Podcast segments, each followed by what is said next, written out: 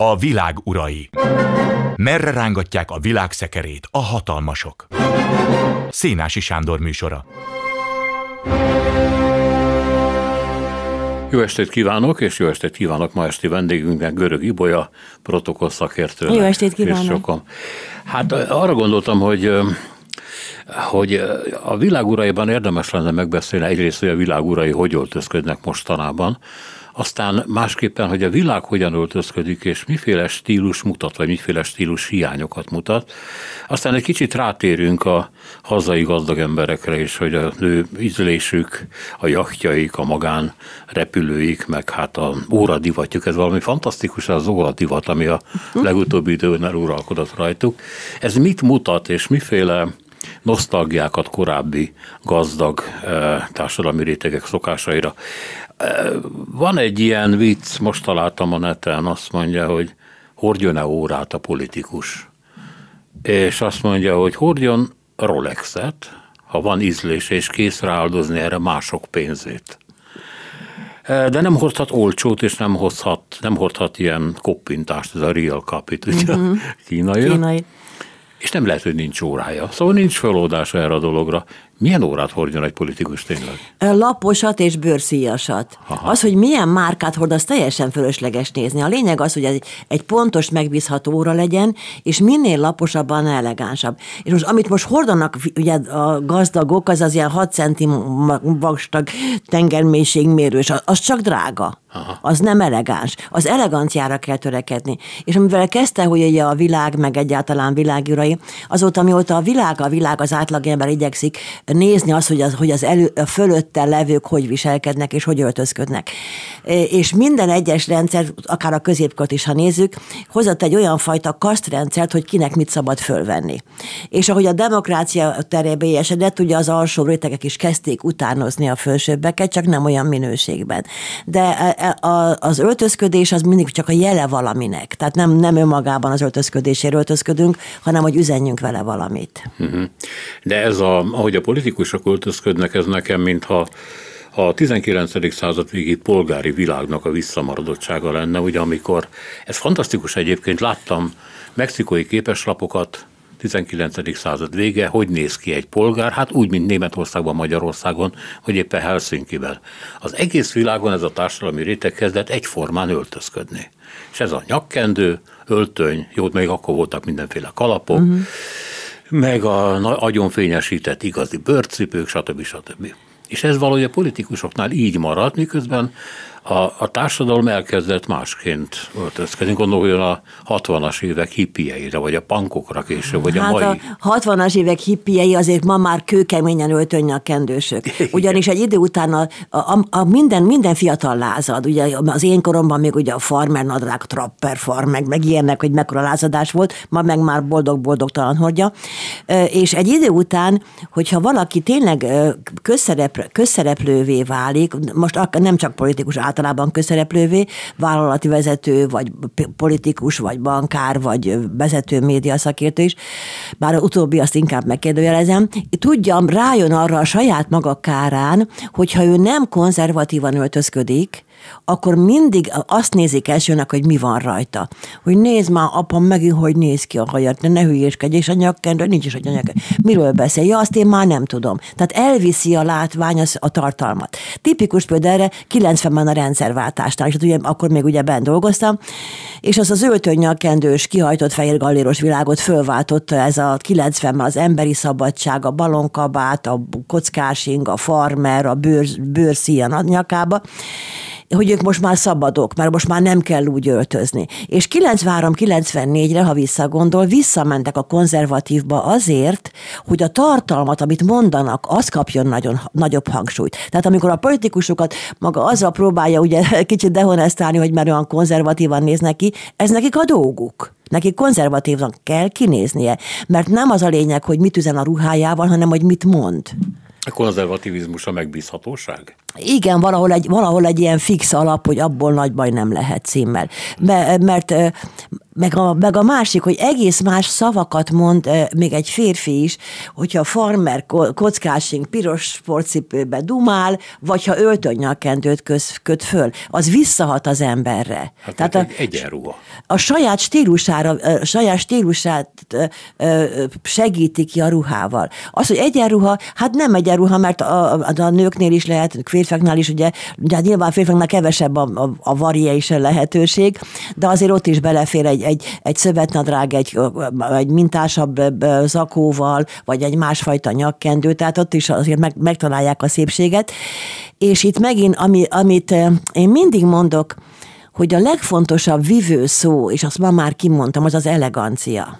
És az elegancia az nem pénz, az tartás kérdése hogy legyen, lehet például, mit tudom én, egy, egy farmer egy ingel, egy, egy, egy, egy, tiszta cipővel és elegáns. Tehát az elegancia az bentről kifele jön és az elegancia tűnik meg, akkor az elegancia az, az a szavakban is megjelenik.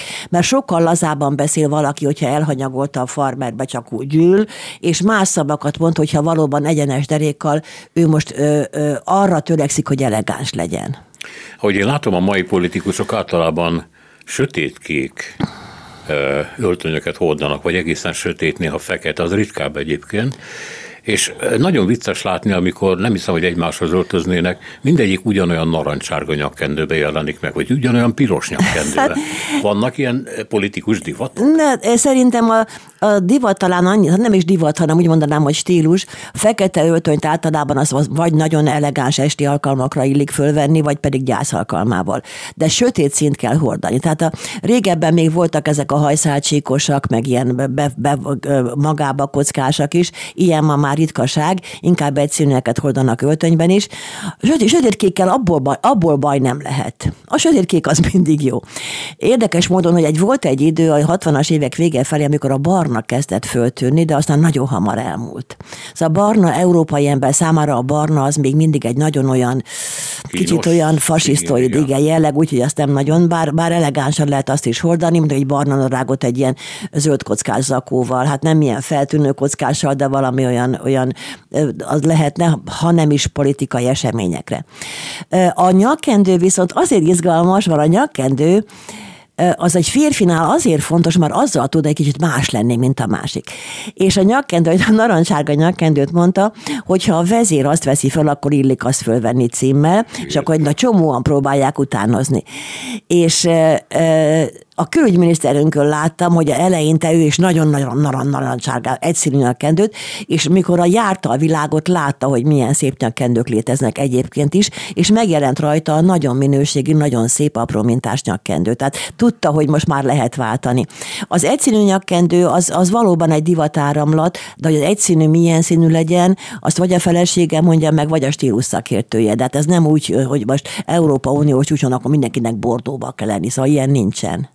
Említette ezt a csíkos inget, és most hirtelen eszembe jutott a 90-as évek eleje, amikor ugye az MDF győzött. Igen. És állítólag, nem tudom, hogy ön volt-e az, akivel Antal összekapott, ilyen csíkos vagy hajszálcsíkos inget vett föl, és akkor valaki mondta neki, hogy ezt nem lehet miniszterelnök úr, és elkezdett kiabálni, hogy elmúltam 60 éves, nekem nem mondják meg, hogy hogy öltözzek.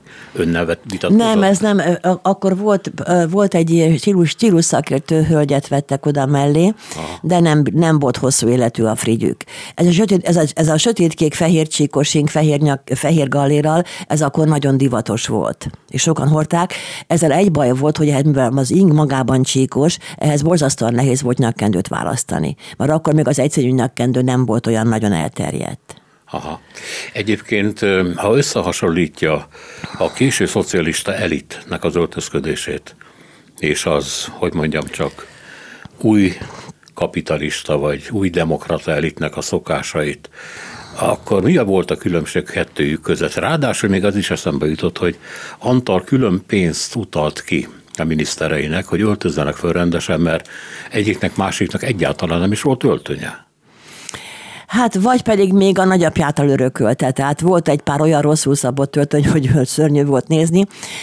Valóban az, hogy most a, tehát én Lázár György óta voltam, mert ugye az volt akkor még úgy köz, hát ez 67-68 körül, Na mindegy, szóval még a Lázár György alatt kerültem be, 86-87. Akkor ugye a sötét, fekete vagy sötétkék költöny, fehér ing és valami csíkos nyakkendő. Aztán utána ugye 90-ben ugye az emberi szabadság kitört, és akkor Antal József is észrevette, hogy valóban nem úgy öltöznek, hogy egy konzervatív politikusnak kell de megmaradt ez a fajta sötét öltöny, fehér nyakkendős világ, és ezt én nem is bánom, hogy ez megmaradt.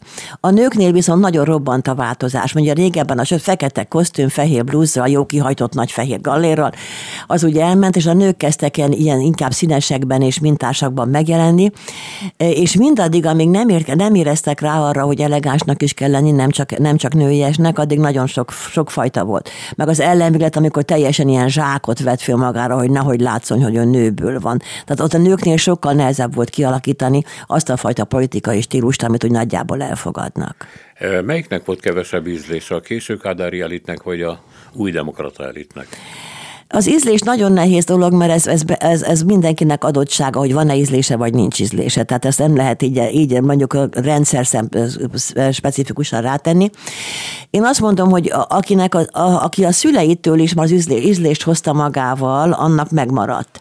De akinek már az szüleinek sem volt, annak meg ugye nem maradt meg. Tehát, hogy egy egyszerű családból származó, kétkezi családból származó, nek nagyobb figyelmet kell fordítani arra, hogy ő mikor tud majd megváltozni elegáns tanácsá. Nagyon fontos az, hogy milyen tanácsadói vannak, kinek hiszi el, hogyha valamit mond neki, hogy mit vegyen föl, mit javasol neki. Tehát ez tanácsadó kérdése inkább. Az, hogy stílus, a stílus az azért nagyon veszélyes, mert hogyha valaki eldönti, most egy más szférából hozom a példámat, 20 éves korába, hogy ő az a stílusa, hogy ő bőrruhás rocklédi, de meg már 70 éves. Aha akkor az meg már nem jó. Tehát a stíluson változtatni kell tudni.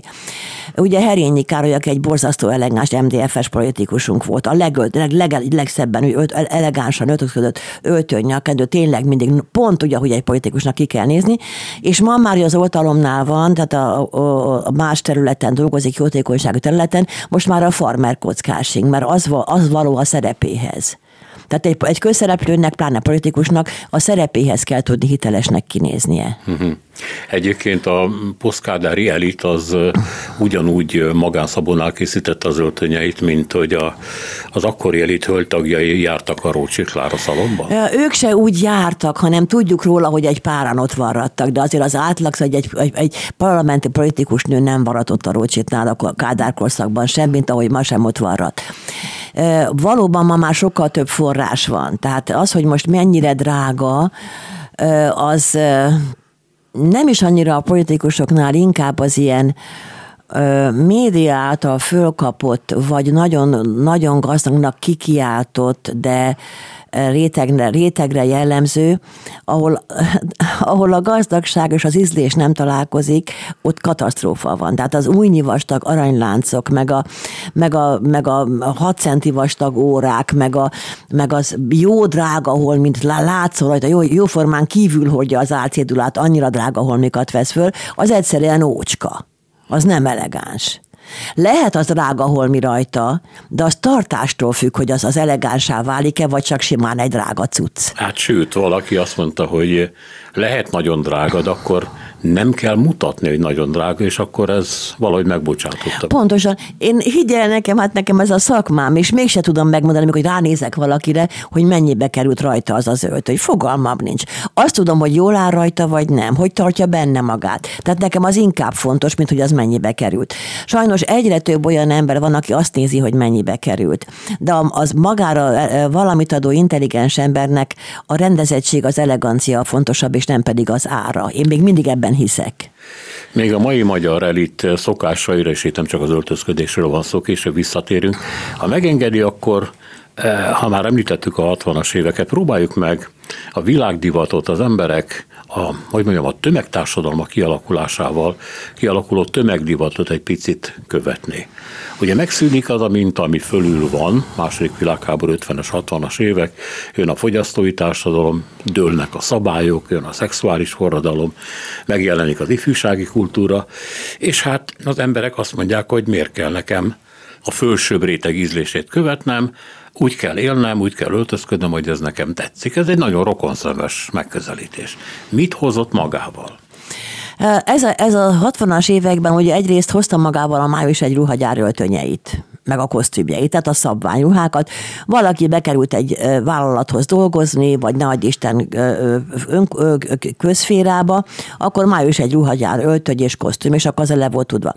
És aztán, amikor a 60-as évek vége felé beindult ez az ilyen szabadság, Woodstockos mozgalmak, ezek az ilyen emberi szabadságos dolgok, akkor a fiatalok váltottak, és valóban elő, előjött a kényelmes, ez nekem jó, nekem ez így jó, kit érdekel a más véleménye, ez a világ de ebből ki, ki lehetett nőni, tehát ebből kinőttek, ugyanis rájöttek arra, hogyha ő, mit tudom én, van két diplomája, és be akar kerülni mondjuk egy bankszakmába, mert ahhoz nagyon ért. Oda nem mehet be egy fehér sportcipőbe, ami kicsit még fótos is, meg egy szakadt farmerbe, egy, egy, egy pólóba, mert, mert nem azt tükrözi, hogy ő egy bankember, hanem azt tükrözi, hogy én egy, egy egyéniség vagyok, és azt csinálok, amit akarok. És ha én azt csinálok, amit akkor lehet, hogy nem megy be dolgozni. Tehát az üzenni kell az öltözködésemmel is azt, amit el akarok érni. Tehát egy állásinterjúra úgy kell oda menni, hogy elhiggyék nekem, hogy én tényleg ahhoz értek, amihez, amire éppen jelentkeztem. És az ruha ebben nagyon sokat jelent. Hiába az embernek ez a liberális agya persze ilyenkor rámozdul arra, hogy miért, hát ha neki úgy kényelmes, de nem erről van szó. Az életünkben nem azt csinálunk, ami kényelmes, hanem ami, ami, ami a célra, a célhoz, cél, célomhoz szükséges. És ha nekem a célomhoz az kell, hogy az állást én be tudjam tölteni, hogy én ahhoz öltözzek hozzá, akkor előbb-utóbb az a véremmé válik. Tehát a laza, nagyon laza, farmeres, kockás, inges, sportcipős, kit érdekel apám, hosszú hajas fiatalság is, amikor oda került a sor, hogy életet, hogy, hogy, hogy elkezdje az életét, akkor rájött arra, hogy neki ahhoz hozzá kell öltözni. De hát megmondta az előbb, hogy a szerepeinkhez kell öltözni. Pontosan. E, és hát ha van valami, amihez adaptálódni kell, azok a szerepek, hogy megtalálni a magunk szerepeit, amiben nem szenvedünk nagyon egész életünkben. Tehát, hogy valami harmóniát azért a kettő között kéne találni. Ha van is. Meg az egész életünk szerepjátszás, az mindenki mondja nekem, hogy az olyan, olyan mesterséges. Hát nem. Óvónénivel másképp beszéltünk, szomszédnénivel másképp beszéltünk, nagymamához másképp szóltunk. Az ember tudja, hogy ahhoz, hogy elérje azt, amit akar, egyfajta alkalmazkodási képességet ki kell mutatnia. Tehát alkalmazkodnia kell a többiekhez, mert egy elefántcsontoronyban nem nagyon, egyedül nem tud mit csinálni a világban. Be kell illeszkednie, és a beilleszkedéshez kell az alkalmazkodás is. És én a be, el akarok, mint ezt teszem azt egy egy média céghez, vagy egy reklámcéghez, oda nyilván nem fog angol kiskosztümbe fog bejárni, mert ott nem azt, nem azt fogadják el. Igen, csak egy ilyen társadalomban, mint a magyar is, egy ilyen keleti-keleti társadalomban, ahol a feudalizmus maradványai nem, hogy kísértenek, de néhol még uralkodnak is, az ember nagyon tart attól, hogy megint elkezdődik ez a uraknak ez a lefelé való beszélése. Ugye a japán társadalomban van, ezt nemrég tudtam meg, hogy a különféle társadalmi rétegek szinte más nyelven érintkeznek egymással. Van mondjuk a virágárus nő, aki a vevőhöz fölfelé beszél, más szavakat használ. A vevő, aki mondjuk egy egyetemi tanár, ő lefele beszél. És ez majdnem minden társadalmi réteg között így emelkedik egészen a csúcsig a császárig, és ez azért elég, elég rettenetes. Hát ez valóban, valóban fura, ezt, ezt még nem hallottam. Kicsit úgy belegondolván az ember nyilván a szabait megválasztja, hogy éppen kivel beszél. De soha nem, a mi kultúránkban ez a lefelé, fölfelé beszéd, ezt én így nem érzem ki. A japánoknál meg azért fogadom, mert az egész társadalmi rendszerük arra épül, hogy a hatalmat tisztelik. Tehát ha valaki egy, egy, egyel fölötte van a rangsorban, az félisten. Ha kettővel, az meg az Isten. Ott nem lehet ellent mondani. A mi demokráciánkban viszont azért kicsit ez másképp alakul. A verbális kultúránál viszont sokkal rosszabb, a verbális kultúráról beszélünk, a sokkal-sokkal szomorúbb, mint az öltözködés. Mert a verbalitásnál, ahogy én érzékelem most, a kvázi nézettség, vagy hallgatottság, vagy kifigyel rám című vívőszóra, azt választják a közszereplők, hogy egyre csúnyában beszélnek, egyre ormotlanabb szavakat használnak. Még olyan is, aki nem mondom ki a nevét, annyira utálom újságíró, olyan szörnyű szóösszetételeket használ, ol, olvasott, tehát fanta, fantasztikus szavai vannak, régi olvasott, tehát érz, érződik benne, hogy, hogy ezt valahonnan tudja. Gazdag szókincsel, de úgy rakja össze, hogy a hátamon a szőr föláll. A, hát nyelvtani hibákat például, hogy miért nem korrigálják, hogy, a, hogy az én, mint képviselőként Aki így beszél, az hiába vesz föl nekem már már öltönyt, az egy senki. Uh-huh. Tehát a magyar nyelvünkre sokkal inkább kéne vigyázni, mint az öltözködésünkre. Igen, bár vannak szakértők, akik azt mondják, hogy a nyelv úgyis állandóan fejlődik, és nem kell piszkálgatni, meg őrizgetni, a nyelv majd elintézi magának a saját alakulását. Hát nem. Han, megmondom, miért nem, mert a nyelvtani, szóval annyira globalizálódott a világ, mi maradt meg nekünk itt, a, a nyelvünk, minden más már nemzetközi. És a nyelvünkre azért kell vigyázni, mert rengeteg jövevén szó van, ugye az, az informatika hozza az angol szavakat magával érthető módon. Ami még megmaradt legalább, azt használjuk már úgy, hogy, a, hogy arra büszkék lehessünk. Tehát a magyar nyelv használata, és az nem az most, hogy rokolyát, meg mellényt, meg do, dolmányt vegyünk föl, nem erről van szó, hanem a nyelvünket igenis óvjuk attól, hogy, hogy ordinári és közönséges legyen? Hát tudja, ez a 90-as években kezdődött el, amikor a lapok, hát persze azért, mert nem volt pénzük, elkezdték elbocsátani az olvasó szerkesztőket. Ezért, ha most kinyit egy híroldalt, az első oldalon talál 15 hibát. Olyan hibát, ami nem a nyelvváltozásáról szól, hanem egyszerűen magyar. Slendriánság. Igen, nincs egyeztetve semmi semmivel, és kim van fél napig, nem is veszik észre. Tehát azt jelenti, hogy nem tűnik föl. Hát ez a szörnyű benne, hogy nem azzal kéne foglalkozni, hogy ki milyen ruhát vesz fel, hanem hogy ki hogy beszél. Hát ezt, ezt maximálisan ki kéne írtani ezt a fajta nyelvek, nyelvünk ellenségei, akár a közönséges, akár a slendrián, akár a oda nem figyelő média szakembereket is, mert erre nagyon, én megértem, hogy a nézettség miatt nyilván nem fognak itt nekem Freud és Kierkegaard különbségeiről beszélgetni, ezt én megértem. De legalább, amit mondanak, az legalább lenne helyes. De mi az oka annak, hogy a, a hogy mondjam, a beszéd divat ide változott, vagy alakult. Ez pusztán a médiának tudható be, hogy van egy médiaverseny, ugye, és mindig túl kell beszélni a másik műsort. E, élesebb, rikítóbb színeket kell használni, hogy fölfigyeljenek rá a nézők, vagy pedig a, ez a társadalom durvul egyre inkább, mondjuk a 60-as évekhez képest. Önmagától nem durvulna egy társadalom. Amitől durvul az egyrészt az, hogy a, mindenki a tév, amit a tévén mond, ugye az az Isten, és, és a tévék meg azon versengenek, hogy minél több nézőjük legyen, és ugye mire mennek rá, minél alább megyek, minél színvonatalanabbat hozok, annál többen nézik, mert hát ezt még ők is megértik címmel. Ez az emberek lekezelése, hogy ilyenfajta műsorokból csinálnak, ugye hogy most, most ennyi nézettségem van, de mit néztek? Tehát a, a médiának felelőssége volna, hogy, hogy nem, nem csak tájékoztatni, hanem nevelni is kéne, és ez sajnos már nagyon ritka. A szép beszéd ma már borzasztóan ritka.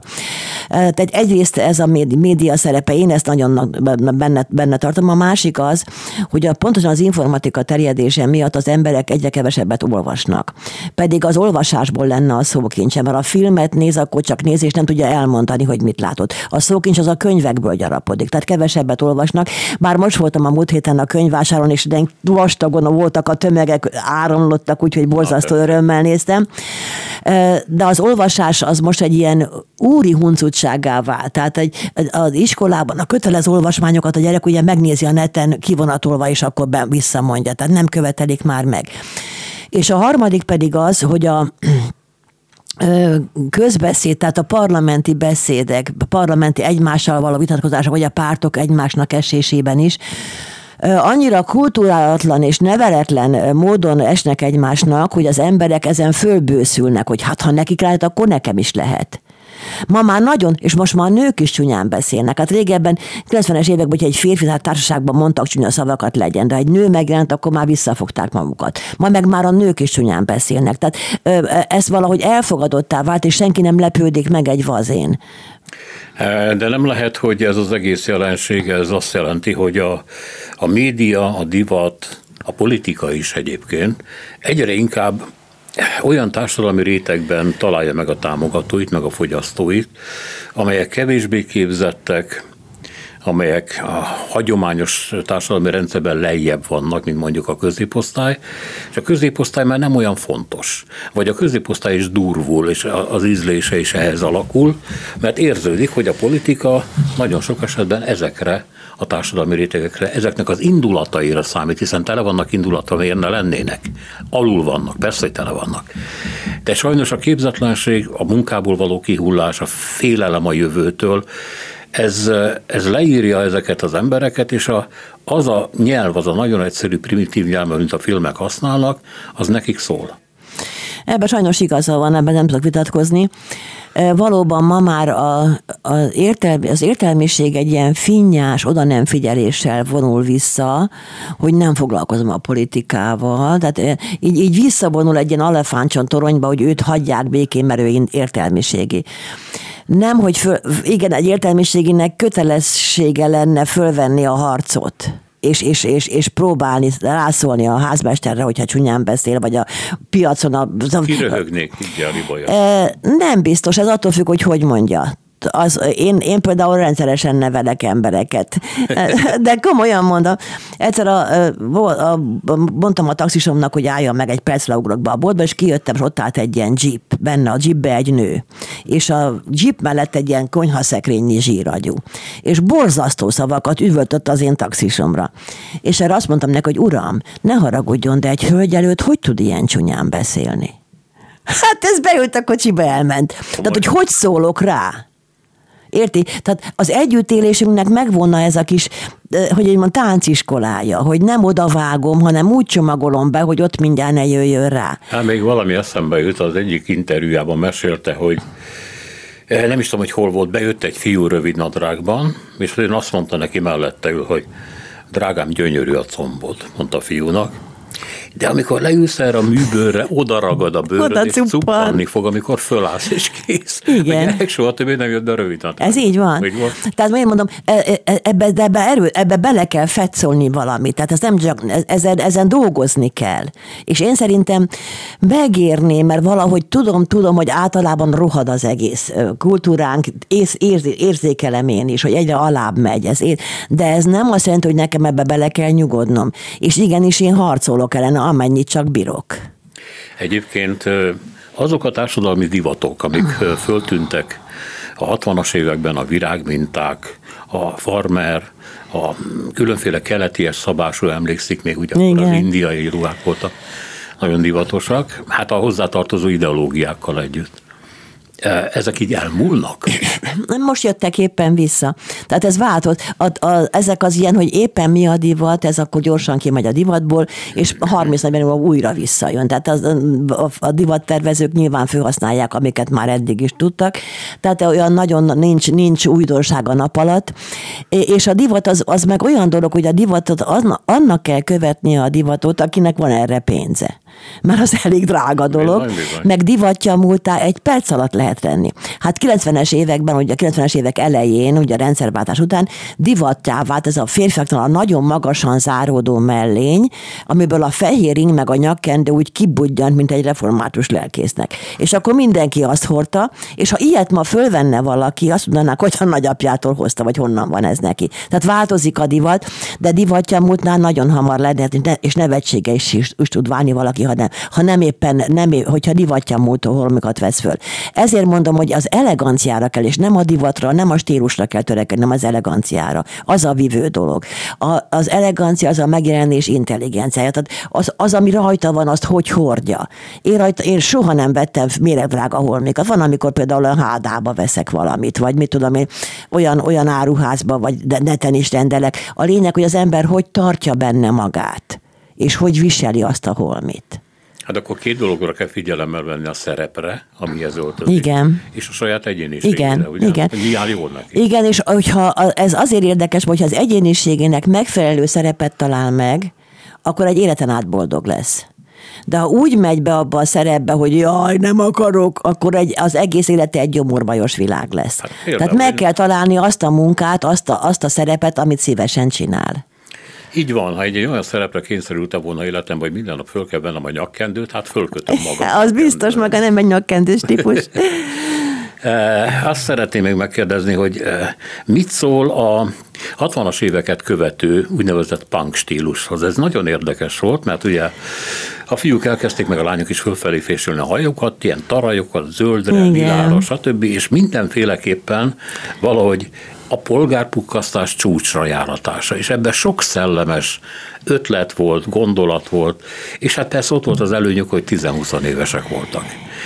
Nem, soha nem gondolta azt, hogy de irigylem őket, hogy nem lehetek virággyerek, vagy nem lehetek Ne, papgyerek. én ezt irigyelni nem irigyeltem soha, de jó, jó indulattal néztem őket, ugyanis eh, tíz fiatalból, vagy száz fiatalból egy volt ilyen, tehát nem mindenki járt így, tehát nem volt nyájszellem, hogy Vannak így kell. fiatalok.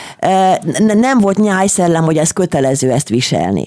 De azt eh, én a mai napig is nagyon becsülöm azt, aki aki, akinek megte, aki megteheti azt, hogy, hogy elvállalja azt, hogy neki az a szerepe, hogy ő bohém legyen. Például valamelyik nap láttam, a, azt hiszem az András úton sétálni, nem is Andrásin, de az opera előtt egy eh, fiatal férfit, ilyen bo- bordó földigérő ruhába volt, és női táskával. Tehát ő fölvállalta azt, hogy ő női ruhába közlekedik az úton. És én megemelem a kalapomat, hogy ezt fölmerte vállalni. De feltételezem, hogy nyilván hogy ránézésre nem egy biztosítási üzletkötő. Tehát más a szerepe. Igen. Én belefér. És az, hogy most a punk, meg most ugye megint, én a metroszexet is nagyon, azt, mondjuk nevetségesnek tartom, hogy egyforma, ugye meg, meg ez a, hogy hívják ez, akinek így belóg ez a fekete haj az arcában, és fejtettem, van ez a, Nem tudom. ez az a ördögvillás, ilyen Tony fekete. Curtis idején ez kacsafaroknak De nem, ez, ez ilyen a japánok, japán fiatalok kezdték el ezt, az a feketére festik a szemüket, meg belóg a fekete hajuk, ilyen, mint a meghaltak volna Japán, már. nem kell feketére festeni össze, mit, mert az fekete. Nem, úgy, hanem hogy arcukat úgy maszkírozzák ki, mintha már meghaltak volna, nem nem jut eszembe. Tehát ez, ezek mind szerepek eh, abban a körben, ahol éppen megvan, és így kell szerepelnie, akkor azt Hát megteheti. akkor ez is szerep, ez nem a Hát persze, hát persze, hát persze, hogy szerep, egyértelmű. A szabadság az ott jön be, hogy van-e, van-e van-e akkora szabad lelkem, hogy én merjem elvállalni azt, amit én szeretek csinálni? És ne, hogy ne azért vállaljam el, mit tudom, ne azért legyek tanár, hogy van egy diplomám, hanem azért legyek tanár, mert szeretek tanítani. Előbb azt mondta, hogy nincs nyájszellem, hát dehogy nem van. Hát né- nézze meg egy iskolában, egy osztályban. Hát gyerekek kamaszoknál egymás- hogy? Ne, persze, persze. Tehát próbálja meg ő nem, ha éppen a pankorszakban van, nem megcsinálni ezt a figurát, ha azok közé akar tartozni, akik megcsinálták. Így van, de azért ott, ott van azért a, a, a klikkesedésben egy másik csoport is, amelyik nem punk éppen. Tehát azért választás mindig van, bár kamaszkor, kamaszkorban ez kuty, kutya nehéz. Tehát egy kamaszgyereknek bármit józanésszel megmagyarázni, az tökéletesen értelmetlen. Mert a kamaszgyereket az érzelmei viszik, indul, érzelmei viszik, és amit ő akkor kap, és amit lát, az, az, az, egy, az egy alap marad neki az életében. Hát sajnálom, hogy korábban nem találkoztunk, és nem mondta ezt meg nekem. Mennyit megúsztam volna a legidősebb gyerekkel kapcsolatban, akinek körülbelül öt éven keresztül beszéltem a lelkére, és utána persze kiderült, hogy egy hangra nem emlékszik, már akkor se figyelt oda, hogy én mit mondok. Mm. Hát mennyit meg lehetett volna spórolni. Na jó, eh, hadd mondjak valamit a mai öltözködésről. Nem elítélően, csak kíváncsi vagyok a véleményére. Az egyik, ö, hát ez még a pandémia előtt volt, ö, könyvhéten a Vörösmarty téren voltam, azt mondom, hogy tudósítanom kellett, és akkor néztem, hogy jönnek az emberek. Ugye budapesti elit, értelmiségi, középosztálybeli emberek jó részt. Rettenetes volt, higgyel. Akkor kezdett terjedni, hogy a fiúk rövid nadrágot hordtak, ebből lógtak ki ezek a szőrös görbe lábak, a végén ilyen hatalmas tevepatákkal, ezekkel a e, futócipőkkel, amik mind 5-6 szoros mérete a lábnak, bár állítólag nagyon kényelmes, én ezt bőven elismerem. És azt is elismerem, hogy a lányokkal kapcsolatban azt szokták mondani, hogy ez így szexi, mert a, a vékony, kislányláb, meg a nagy bunkó cipőnek a különbség az egy ilyen, hát egy ilyen szexuális vonzerőt jelent, ezt is elhiszem. De jöttek írók, ilyen leharcolt sportingekben, a gatyából kilógó trikók, csak azt gondoltam, hogy hogy nézünk ki. Nem, nem, nem az öltönyről van szó, hogy, uh-huh. hogy nézünk ki. Hát igen, ez azért nagyon nehéz, mert egy értelmiségi számára, egy író számára, ugye, hogy, hogy mit vegyen föl, Hát az indiferens, mert egy angol professzor is agyon kinyúlt kis oroszlános kardigánba, lóg róla le a katedrán, meg minden. Én azt mondom, hogy megint a jó ízlés, hogy nem kell neki ott egy bemenni, nyugodtan jöjjön farmerbe és kockásingbe. De az a farmer ne legyen, szak, ne legyen szétszakadva, mert ha már szét van szakadva, az már egy szakad De farmer. Hát ez, ett- ettől megbolondulok. Ez, ez, ez egyszer annyira nevetséges, de szerintem mindenkinek nevetséges. De hogy, hogy az az ing, az ki legyen vasalva például. Tehát, hogy a rendezettséget lássam rajta. Meg amit észrevettem, most ez a, ez a megbolondulnak a férfiak, hogy még sötét öltönyhöz is fölveszi a sötétkék vagy fekete cipőt, aminek körbefehér a talpa, ami a tornacipő. Mert ha ez farmerhez veszi föl, rendben van. Vagy ha az az író is, de kijön oda a, a, a könyvásárra, és rajta van egy, egy vászonnadrág, egy ing, meg egy mellény, rendben van. De amikor leül, akkor a nadrág széle, meg az okni között ne látszódjon ki a bokahúsia. Tehát akkor, akkor hosszabb szározoknit vegyen alá, vagy ne vegyen egyáltalán zoknit. Tehát ugye a cipője, hogy, hogyha nem, nincs, nincs kifényesítve, de tiszta legyen. Hogy a haja ne legyen zsíros a haja. Egy írónak nem kell zsíros hajjal ülni ott. Hiába, hogy a képeken esetleg úgy láttuk, hogy mit tudom én, Adi Endrének ugye be volt zsírozva a haja. Tehát a, a tisztaság, a rendezettség, kulturáltság az fontos volna. Egyébként meg egy ilyen könyvásáron én megbocsátom azt, ha valaki csak sportosan megy, vagy rövidnadrágba is akár, mert borzasztó meleg volt nyáron, emlékszem rá a nyári könyvásárunkra. Most, most a múlt héten a, a, a millenárison a, a, a könyvhéten, ott azért másképp öltöztek az emberek, azt sem mondom, hogy elegáns, hogy, hogy rendben voltak, de nem volt semmi különösebb problémám vele, mert én megbocsátó vagyok, ide nyilván nem fogja fölvenni a legjobb, legszebb ruháját. De ha már végig arról beszélgetünk, hogy az emberek szerepeknek felelnek meg, akkor ez a mai öltözködési divatok, vagy azoknak a leépülése, vagy azoknak az imitációja, ez milyen szerepeknek felel meg? Tehát mi az, ami Jaj. a társadalomban van? Ez a szexi nevű dolog, ettől megbolondulok. Hát még or... az. Hát, de a szexi az ugye az, az a szexet jelenti, tehát az a szex Igen, elő, előszobáját jelenti. Igen. Emlékszem már, amikor 98-ban azt mondta Schmidt Mária, hogy a, a választási hadjáratuknak, ahogy az Orbán Viktor mondta, hogy szexinek kell lenni. Hát egy politikai hogy hadjárat hogy tud szexi lenni? Hát ez, ez a mindenre ráfogják már a szexi szót. Igen, Pedig a szexi az a szexuális életet előkészítő megjelenési formációhoz kapcsolódik másik hozzá. Azt jelenti, hogy vonzó. Hát én nem tudom. Jelentés bővüléssel állunk szembe, kedves Ibolya. Hát lehet. Na mindegy. Szóval én ezzel nem vagyok kibékülve olyan nagyon. Szexinek akkor kell lenni, hogyha az ember valóban egy, egy, egy, egy, egy testi szerepben van, tehát meg, meg elegáns lehet, csinos lehet, de a szexi, hogy ki van a hasa, az attól függ, hogy milyen a hasa, ami ki lehet. Na és a szerepek, amiket kérdeztem, milyen szerepeknek felelnek meg a mai öltözködések? Mit mutatnak? Hát van a, ez a lazaság, ez a, hogy lazának kell lenni. Az a divat, hogy mindenki laza, mint a rigalán. Szóval ez a lazaság, ez valami eléggé szörnyű, mert az életünk az nem arról szól, hogy én laza vagyok, hanem arról szól, hogy van egy, van egy üteme az életemnek, van egy feladat, amit el kell érni, tehát van egy, egyfajta tevékenység, amit, és abban nem lehetek laza. Tehát mint egy buszsofőr nekem ne legyen laza, átmegy a piroson, mert ő laza. Tehát az a, ez a, persze más a munka és más a magánélet. Tehát nyilván, hogy egy, egy délutáni vagy egy esti buliba, egy kávéházba, vagy egy presszóba, vagy egy kocsmába, ott az ember nyilván mást követel meg, mint mondjuk, hogyha bemegy egy bank, bankba, és az előtérbe, hogy néznek ki az emberek. Tehát nyilván változhat a, változik. Én, amit most látok, ez a lazasság, ami most uralkodott, hogy mindenki laza, meg kényelmes, meg nekem ez így jó, jó lesz ez bentre, tudja ez a, ez a fajta hozzáállás, ami az igénytelenséget szüli hozza magával. De emellett van az, hogy az emberek kérdezgetik egymástól, amikor menni kell valahova, hogy mi a dresszkód. Hát bizony. Hát azért, azért ez ott van. Egyre inkább ott van az, hogy az emberek, én, én, hát, én vagyok az élő tanulja annak, hát rengeteg e-mailt kapok, szinte naponta kettőt-hármat is, hogy ilyen helyzetben mit vegyek föl. Vagy ö, ö, megyek a, a, a férjem gyerekének az esküvőjére, mint új anyuka, ugye, mit vegyek föl, vagy állásinterjúra mit vegyek föl, vagy megy, mit tudom, délután meg most legutóbb volt, hogy egy ö, derbire hívták meg Magyarországon egy derbire, hogy mit vegyen föl. Tehát nagyon sokfajta szerepben az emberek tanástalanok. Mert érzik, hogy oda nem mehet oda akárhogy. Tehát Elvire megvan... szürke köcsök alap, innen üzenem. hát azért azt mondjuk talán nem. De, de az, az emberek egyre inkább érzik azt, hogy, az, em, hogy, az, hogy, hogy meg kell felelni valami, valamin megjelenési formának, és tényleg, tény, hogyha már ott tart, hogy megkérdezi, akkor már nyertünk.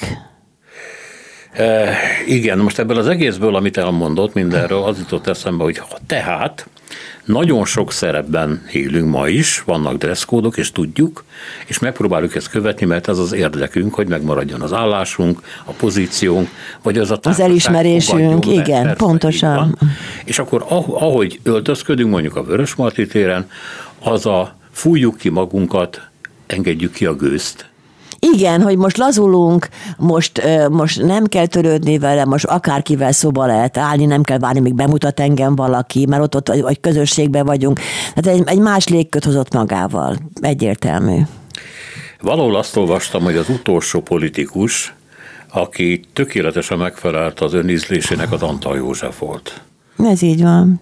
Mert ő volt, hogy is mondta, az utolsó úriember? Igen.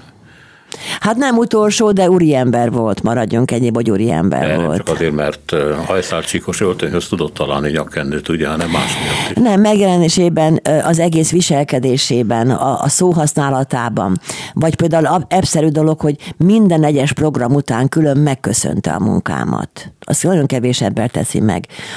Meg valahogy ő sugalta azt, hogy a jelenlétében nyilván, nyilván mindenki próbált viselkedni, mert ugye valahogy olyan, olyan atmoszférát tudott teremteni. Egyébként mai napig is vannak úri emberek szó se róla, hogyha öltözködését, viselkedését nézem, hogy amit ugye a tévéből látok, hiszen nem járok össze velük, azt mondom, hogy ő egy úri ember, léteznek ma is, de, de kevese, kevesen, és nem merik fölvállalni azt, hogy ők minták legyenek. Hát egy tipikus például a Bárándi Péter esete, hogy ő az a tipikus ügyvéd, elegancia, legjobb színek, legjobb minőség, ahogy leül, ahogy a lábát tartja, tehát testbeszédben is és mégis nem mindegyik ügyvéd ilyen, pedig az ember elvárná, hogy onnan egy mintát valahol azért föl tudnának venni.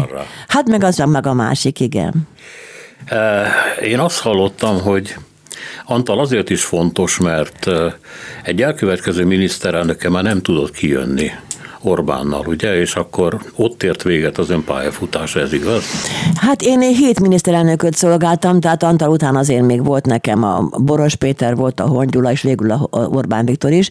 Én nekem semmi bajom nem volt, én nem éreztem az, azt a kilenc hónapig még szolgáltam, tehát ne, én nem éreztem semmifajta ellenszenvet, és szabadságom alatt döntötték, úgyhogy akkor én már ne is menjek vissza dolgozni, és ez nem azért volt, mert személyes ellentétem volt, mert azt éreztem volna, hát azért 12 év alatt az ember meg, van egy egy empátia készsége, hanem, hanem az egész ideológiájuk változott meg. Tehát amikor azt mondták, hogy a PC nem érdekes, és a PC-nek maximálisan része a protokoll. Tehát amikor eldöntötték, hogy ők nem hajlandók a protokollt betartani, akkor én fölöslegessé váltam. Ez azt jelenti, erre többen utaltak, hogy mivel rájöttek, hogy a szavazóik kis településekről, vagy éppen falvakról származó emberek elég jelentős részben, akkor ugye lefelé próbáltak költözni? Lefelé próbáltak viselkedni? Igen. Egyébként ez jellemzően egyébként rákos érában is, tehát amikor valaki nagyon demagóg módon, nagyon az alsó tudatlanokra bazíroz, mert szám darab-darab, ugye, ott, ott nagyon le tudnak menni alfába. Ez tény és való, de ez nem egy folyamat, hanem ez egy döntés kérdése, hogy lemegye annyira, vagy nem megy le.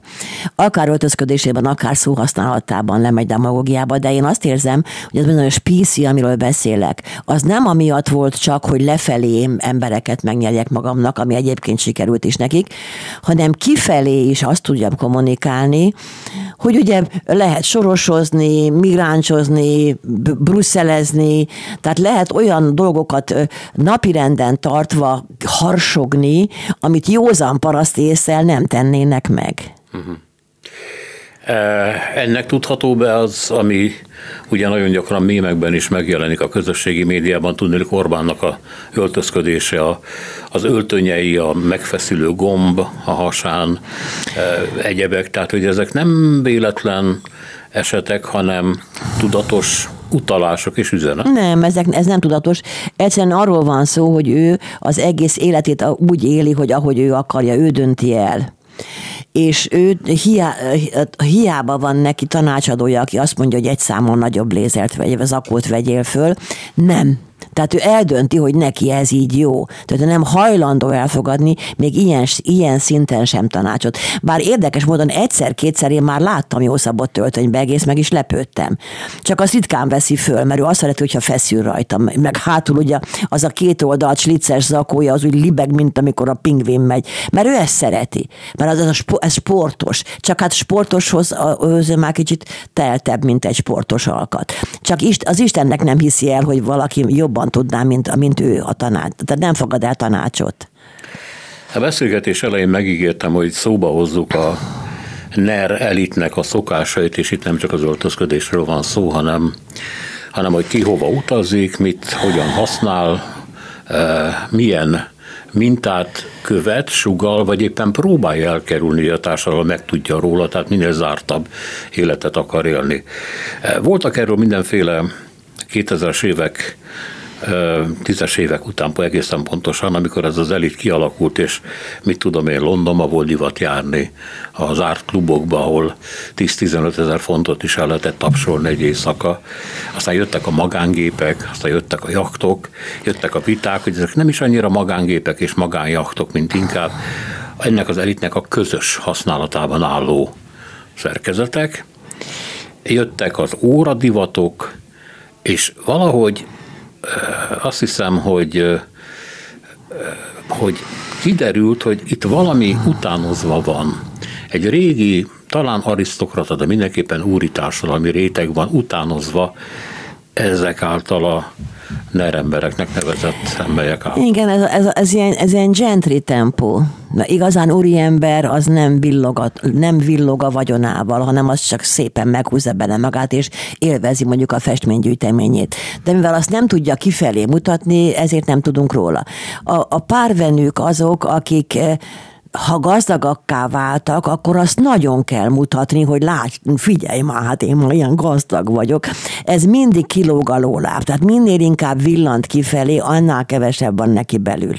Egy elegáns, intelligens ember nem, nem villog kifelé azzal, hogy neki mennyi pénze van, hanem azt úgy éli meg, hogy elegánsan és, és a maga luxusában, és lemegy, mit tudom én, Szantropéban egy, egy, orto, egy osztriga vacsorára, vagy elmegy megnézni Párizsban egy operát, de ezt nem villantja kifelé. A villantás az mindig valahol egy belső egy lelki gyengeség. Na és valóban ma nagyon-nagyon sok pénzt elvernek, és valóban a maga meg az én pénzemet verik el, de ez, hogy milyen drága holmi, meg mennyi, mennyivel drágább az én órám, mint a te órád, meg mennyivel vastag az én, vastagabb az én aranyláncom, mint a te aranyláncod, ez valahol ilyen nagyon ilyen, nagyon, nagyon alsógatja tempó. Nem biztos, hogy rájönnek arra, mert hiszen ők egymásnak akarnak elsősorban megfelelni. Régen az volt a 90-as években bankárkörökben, hogy megvan már az első milliárdod. Ma már úgy kezdődik, hogy megvan az első 50 milliárdod, és akkor ez egy ilyen örökös harc, és persze a pozíciót is jelzi a rendszeren belül, hogy ő hol tart. Hát, és ami... hát akkor az, amit mond Ibolya, hogy hát ez üres, vagy te belülről lányom, meg nem vagy elég intellektuális, meg ez nem értekli őket ez. Hát engem meg ők nem érdekelnek. Szóval én ez annyira semmi, sem, emberileg semmi értéket nem látok ebbe. Tudom, hogy ez megy, meg hogy minél drágább legyen, meg minél francosabb legyen. És amíg ezt a média pumpálja, és amíg ezt a média fölkapja, és, és isteníti, hogy milyen, mert milyen, hogy milyen jakja van, és hogy mit tudom én, megint hol nyaralt, ugye ezt látjuk állandóan, ki, ki hol nyaral ez engem még mindig nem tud érdekelni, mert ez nem emberi érték. Ez, a, ez, a, ez, egy, ez egy vagy lopott vagyomból, vagy tudással megszerzett vagyomból, bár ebben a második esetben inkább nem villant. Tehát amikor valaki nagyon, hirtelen nagyon meggazdagodik, akkor ott, és ezzel nem tud, nem tud, értelmes, nem, nem tud értelmesen élni, ott azért valahol nekem kilóg a lóláb. Hát kicsikívül vannak komikus esetek, egyről tudok véletlenül, egy ismerősöm által, férhez ment egy ilyen ner asszony újra. És hát akkor a, a lagzira meghívtak mindenféle szintén ner embereket, naná, hiszen a uh-huh. saját kör, és az egyikről elterjedt, hogy csak egyetlen egyfajta viszkit iszik, semmi más. Ez a világ egyik legdrágább viszki, de nem erről van szó, azt szereti. És akkor a mennyasszony földúlta egész Magyarországot, és átkozódott, hogy micsoda hely ez, hogy nem lehet kapni, és akkor neki ki kellett volna menni valahova Bécsbe, vagy nem tudom hova, hogy megszerezze azt a bizonyos viszkit. Ugye ez a történet elejétől végig komikus. De hát ilyesmiről szól a belső világ. Hát ez egy cifra nyomorúság, szóval tudom hogy, tudom, hogy egyfajta világ erről szól, de higgyel nekem, hogy azért mi vagyunk többen. Tehát ez a fajta gentry villantás, ez soha nem, soha nem igazán volt igaz, értéket hordozó. Tehát ebből nem fog sok megmaradni a, a, a, a utódoknak. Tudomásul kell venni, hogy ez van, tenni ellene nagyon nehéz, ma az el, ellopták, azt akkor ellopták, tehát ezt csinálják, csak valahol a elegancia, tudja, megint az elegancia az, ami, ami ennek a pénznek az elköltéséhez hiányzik náluk. De lehet, hogy a második generációban már megjön az ízlés, nem? Reméljük, reméljük, hiszen azért, ha nem lehet feladni, hát valaminek csak történnie kell. Igen, hát ugye Budenburg házban az volt, hogy volt az eleve fölhalmozó generáció a vagyon, a második, amelyik még tudott ezzel élni, és a harmadik már ment lefelé. Már nem tudott mit kezdeni vele, és művész hajlamai támadtak, ami az ilyen vagyonos emberek között a legborzalmasabb. Mármint nekik. Igen. Hát, Ibolya, köszönöm szépen, hogy itt volt velünk. Egyébként van olyan korszak, amiben szívesebben élne, mint most? Nincs. Én mindig azzal vagyok elégedett, ami éppen van. Aha. Tehát amikor engem is kirúgtak, ugye összedőlt a világ, de rájöttem, hogy jót tettek velem. Tehát az, az ember élete arról szól, hogy, hogy tovább kell vinni, és örülni kell minden napnak, amit az ember megél, és, és én megtalálom az örömöm, örömöt minden napban, úgyhogy én nem élnék már máshol. Köszönöm még egyszer, hogy Én is köszönöm velünk. szépen. Görög Ibolya protokoll szakértő volt a vendégünk az elmúlt 52 percben. A műsort Selmeci János szerkesztette, a műsorvezető Szénási Sándor volt. Köszönjük a figyelmüket, minden jót!